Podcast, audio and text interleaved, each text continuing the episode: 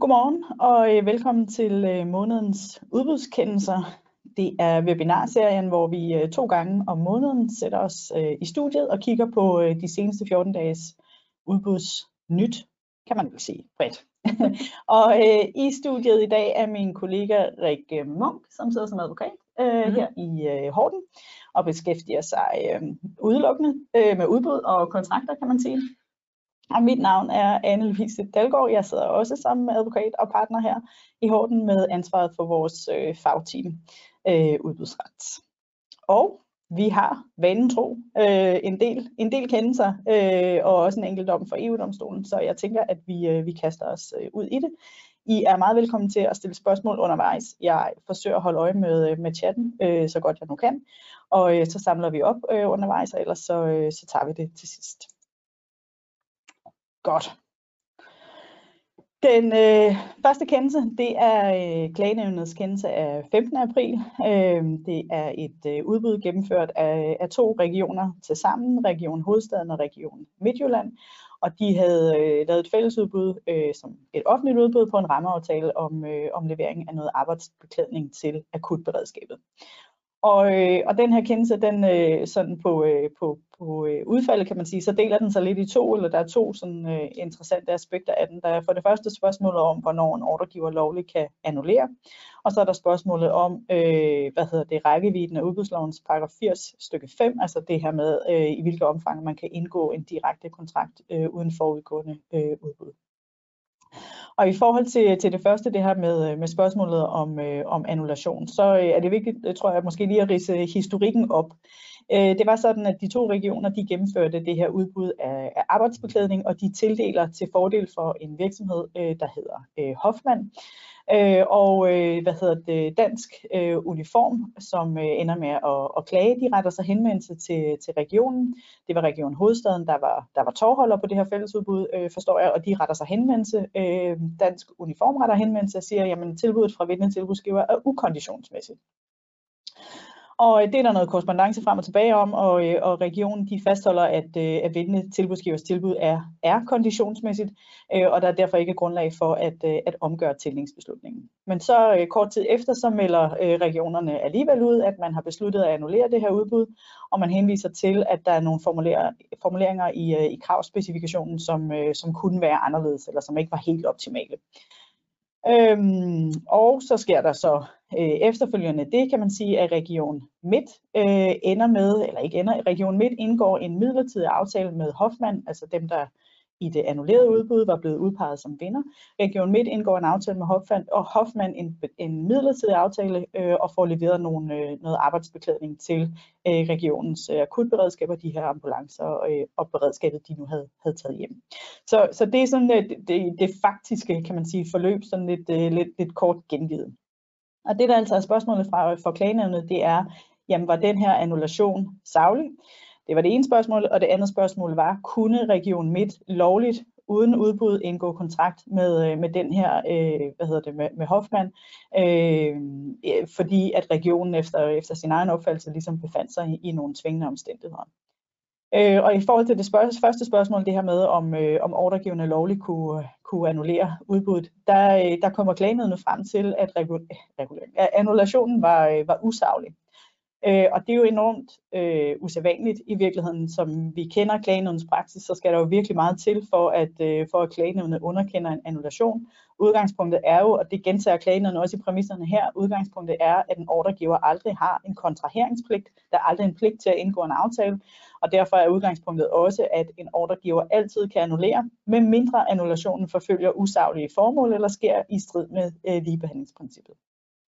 Det, der bliver afgørende her, i hvert fald sådan som, øh, som jeg læser kendelsen, det er, at, øh, at regionen øh, på en eller anden måde undervejs i, øh, i klagesagen får fremlagt forskellige begrundelser for den her øh, annulation, øh, og de begrundelser de er ikke fuldstændig overensstemmelse. Man bliver ved med sådan at bygge på og ændre lidt, og så er det lige pludselig det, der gjorde man annulleret, og så er det, så er det efterhånden noget, noget lidt andet, der gjorde man annulleret. Så begrundelsen fremstår ikke for klagenødene i hvert fald sådan helt troværdigt. Det er det ene. Det andet aspekt er, at, at man må lægge til grund, at de to regioner faktisk ikke var enige, hvor Region Hovedstaden er dem, der sådan er formelt tovholder, og derfor også dem, der sådan formelt øh, øh, træffer afgørelsen om at annullere, så må man forstå, det er i hvert fald det klagenævnet ligger til grund, at Region Midt øh, faktisk ikke mente, at der var grundlag for at annullere. De mente, at den kravspæk, der var udbudt, var tilstrækkelig. Det var også den, de ender med at indgå midlertidig kontrakt med, med Hoffmann på. Øhm, og, og derfor er der på en eller anden måde også en uoverensstemmelse mellem de, de to regioner. Og på den baggrund siger klagenødene, jamen det er rigtigt, man har som udgangspunkt altid øh, ret til at annullere. Det følger også af udbudsreglerne, at man altid skal give en begrundelse for den annullation, og den begrundelse skal selvfølgelig, siger klagenødene, jo være den rigtige begrundelse. Og af de her grunde, alle de her faktiske omstændigheder, kommer klagenødene frem til, at, øh, at annullationen ikke kan opretholdes, det vil sige, at annullerer annullationsbeslutningen, Øh, og det rejser jo selvfølgelig det, det lidt spændende spørgsmål, hvad er mon konsekvensen af det, kan man sige, fordi der er jo stadigvæk ikke nogen pligt til at indgå en, en kontrakt, kan man sige, øh, og derfor så, øh, så er det i virkeligheden lidt svært at se, hvad, øh, hvad, hvad, hvad det hele fører til. Øh, det er i givet fald, tænker jeg, et spørgsmål om, at, øh, at man måske kunne tænke sig, at der, der kom et erstatningskrav i forlængelse af den her usaglige annullation. Men det er altså den ene del af sagen, hvor, øh, hvor klagenævnet helt atypisk siger, at øh, der var ikke grundlag for annullation.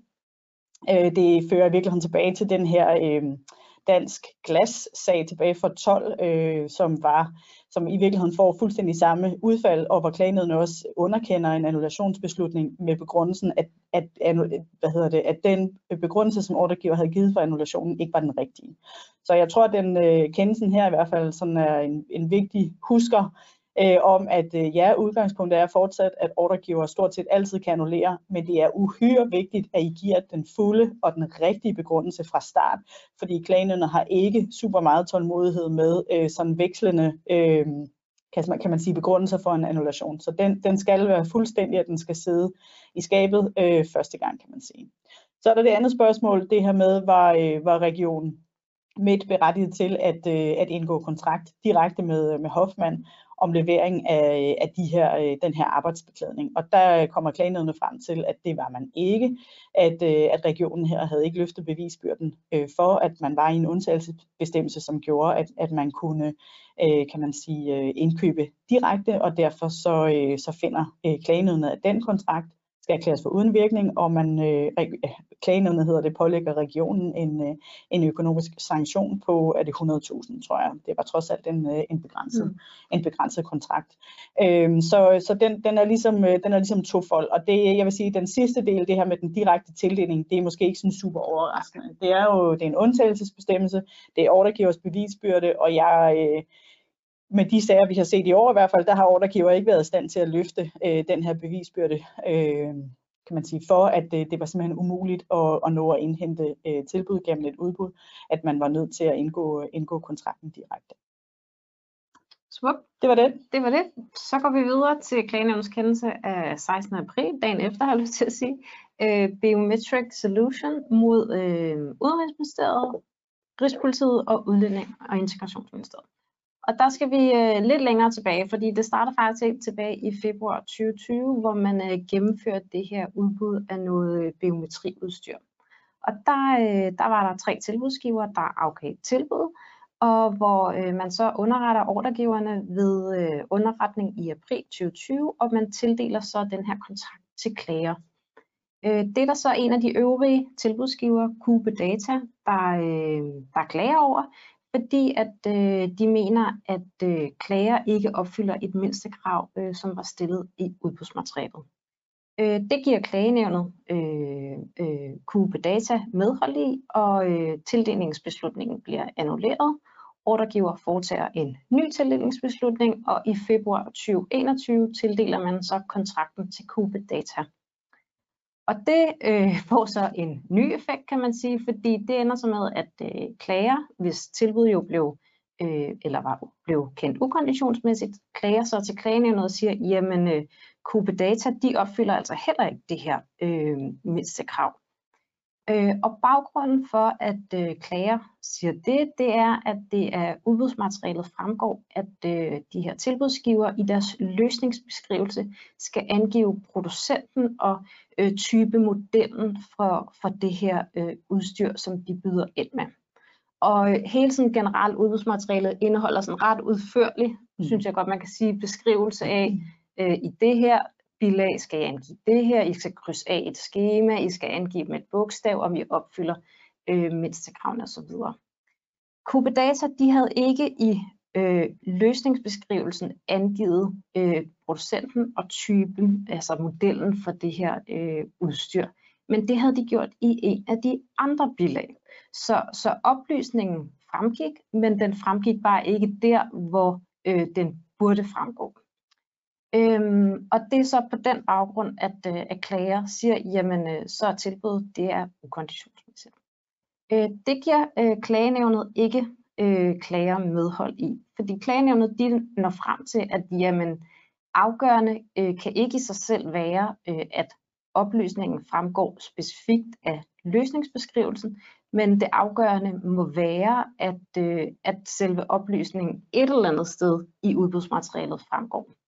Og der, øh, det begrunder de med, at, at selve udbudsmaterialet, til trods for, at det er sådan ret udførligt øh, beskrevet, hvordan at man som tilbudsgiver skal udfylde udbudsmaterialet, eller de her bilag, man skal aflevere som en del af et tilbud, øh, jamen så kan man ikke forstå det, udbudsmateriale, på en sådan måde, at det sådan skal forstås som et helt ufravigeligt krav, øh, som medfører i sig selv, at tilbuddet vil være ukonditionsmæssigt, hvis man ikke ligesom har fulgt den korrekte fremgangsmåde for udfyldelsen af de her bilag.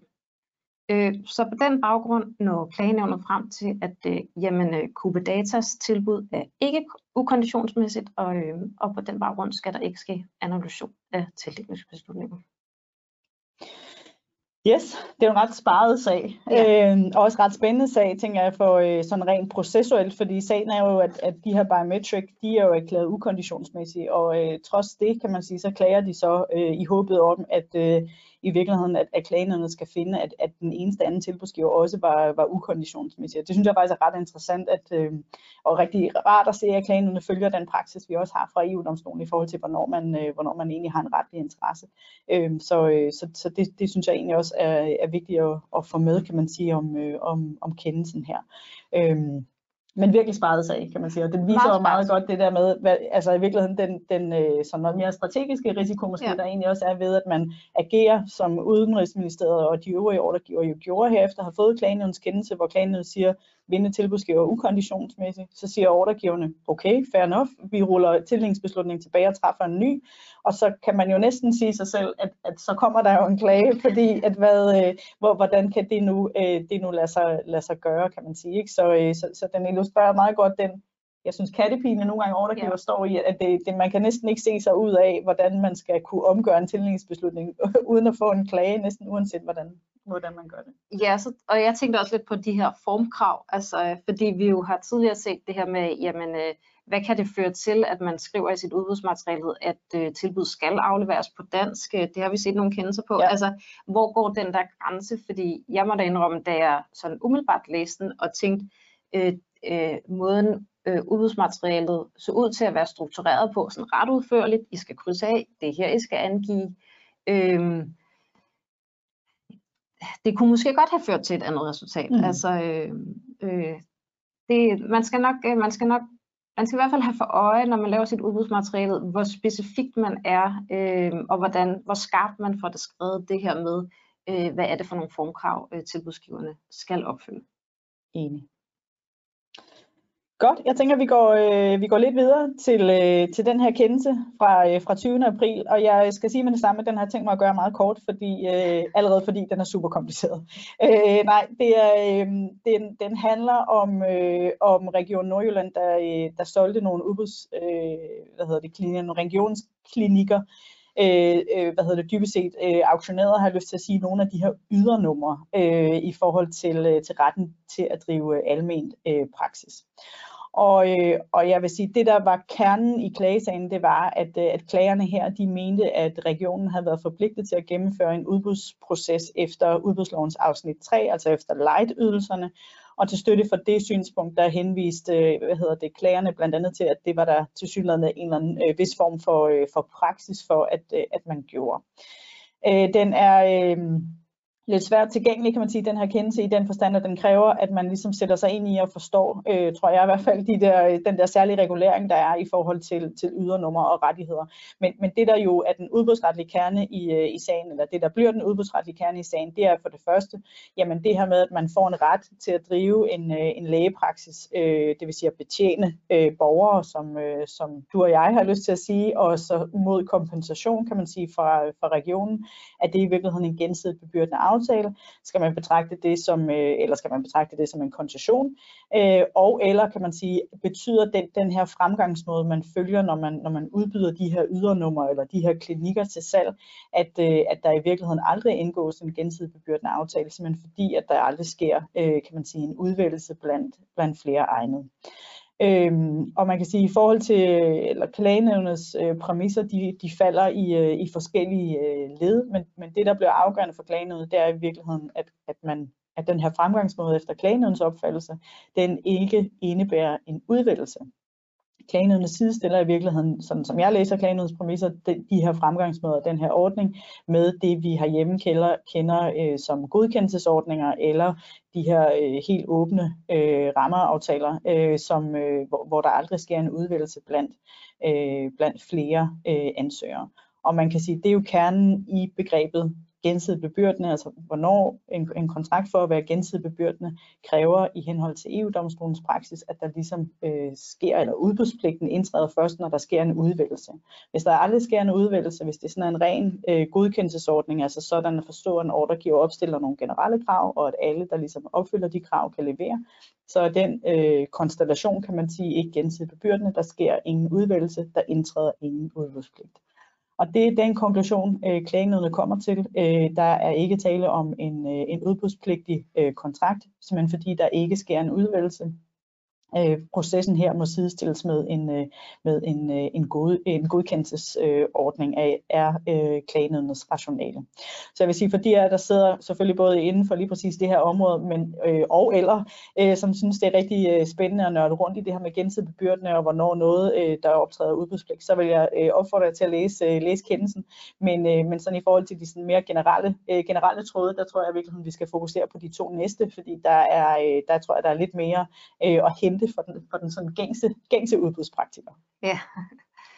Øhm, og den næste kendelse af 21. april, jamen der, øh, der er faktum egentlig også sådan ret relevant for, for hele det her sagsforløb. Og det var regionen, der øh, indgik øh, to delkontrakter vedrørende øh, en rammeaftale om levering af nogle implantater og noget tilbehør. Og, og øh, klagesagen vedrører så alene den ene af de her to øh, rammeaftaler. Øhm, der øh, var der fire leverandører, så at sige, der blev optaget øh, på rammeaftalen, herunder øh, klager øh, Metal Nordic AB. Og øh, tildelingen af ordrene under rammeaftalen, jamen de øh, skete som udgangspunkt ud fra en prioriteret rækkefølge, altså den tilbudsgiver, der havde afleveret det bedste tilbud, det mest fordelagtige tilbud, de var optaget nummer et, som nummer et på rammeaftalen, og så kørte det ligesom ned fra 1, 2, 3 og 4. Så som udgangspunkt gik man øh, til nummer 1 ved, øh, ved tildelingen af ordre i henhold til rammeaftalen. Så var der så seks undtagelser, øh, hvor man øh, kunne øh, gå væk fra den her prioritetsrækkefølge. Altså det var sådan nogle øh, behov i forhold til de her implementater, kan man sige, hvor man gik ind seks konkret øh, ja, undtagelser, og så kunne man så afvige fra den her prioritetsrækkefølge. Øh, det der så øh, sker, det er, at, øh, at klager anmoder om agtindsigt i, hvad er, det, hvad er det for nogle indkøb, der er foretaget her under rammeaftalen. Og øh, det, bliver, øh, det får klager så i marts 2020, og så kan klager se, at det jamen, øh, klager, som er nummer tre i den her prioritetsrækkefølge, han konstaterer så, at øh, nummer 4 faktisk i forhold til de her implementater har fået øh, flere indkøb end øh, klager har som nummer 3. Og det tror jeg, at øh, klager gør, at man, øh, man dykker måske lidt, eller ønsker at dykke lidt mere i, jamen, hvordan er det, øh, hvordan foregår de her, hvem øh, går ind og vurderer de her øh, tildelinger, altså hvornår er vi nede i en af de her undtagelser, øh, hvad, hvad foreligger der af dokumentation for, at, øh, at de måtte være i den her undtagelse, osv. Øhm, regionen efter øh, lidt frem og tilbage, jamen øh, de øh, meddeler så, at øh, de mener ikke, at de har en forpligtelse til hver eneste gang, kan man sige, der bliver øh, foretaget en tildeling, altså en kontrakt på baggrund af rammeaftalen, øh, og dokumentere det yderligere, altså ved at lave en eller anden form for, jeg har lyst til at sige, evalueringsrapport mm. for, hvorfor man ligesom er gået med en undtagelse og ikke har taget efter prioritetsrækkefølgen. Øhm, og de mener så heller ikke, at, øh, altså på den måde kan man sige, de bekræfter, at der ligger ikke et dokument, som øh, hver eneste gang, der er trukket øh, på rammeaftalen, dokumenterer, hvorfor vi er gået med enten 1, 2, 3 eller 4. De fortæller så, jamen øh, hver gang det er sket, jamen, så har man haft øh, en lægefaglig vurdering inden at øh, tage stilling til, hvilket implantat i forhold til den pågældende patient øh, er det rigtige implantat. Og det er så den samme læge, der altid sidder og, og foretager den her vurdering. Så ja, de bekræfter, der ligger ikke et øh, dokument, der dokumenterer noget. Øh, de mener heller ikke, de er forpligtet til at lave sådan et dokument hver eneste gang, der sker tildeling. Men ja, at der, der er altså en læge, der sidder sådan konkret per gang til gang, man trækker på den, øh, og tager stilling til, hvilket implantat, altså hvilken undtagelse er man potentielt inde i. Mm. Og det gør, at, øh, at øh, klager, jeg klager til klagenævnet for udbud, fordi at øh, de mener, eller på den baggrund, jamen øh, øh, regionen, de kan jo reelt ikke dokumentere, at de har fulgt den øh, procedure, altså den tildelingsprocedure, som man har angivet i rammeaftalen. De har jo ikke noget, der kan dokumentere, øh, fordi de ikke har et dokument for det, øh, at øh, jamen, vi har taget konkret stilling til hver mm. enkelt undtagelse, hver gang vi har fravidet selve prioriteterne. Så på den baggrund mener de, at, øh, at øh, man ligesom har handlet øh, uden for, for rammeaftalen. Jeg vil bare tilføje, at det synes, jeg hører med til historien, at det er to af vores gode kollegaer her i huset, der har yeah. ført sagen på klager. Det skylder vi lige at sige, bare så I, øh, hvis I fornemmer en vis sådan forudindtagethed, så, øh, så er det helt med rette.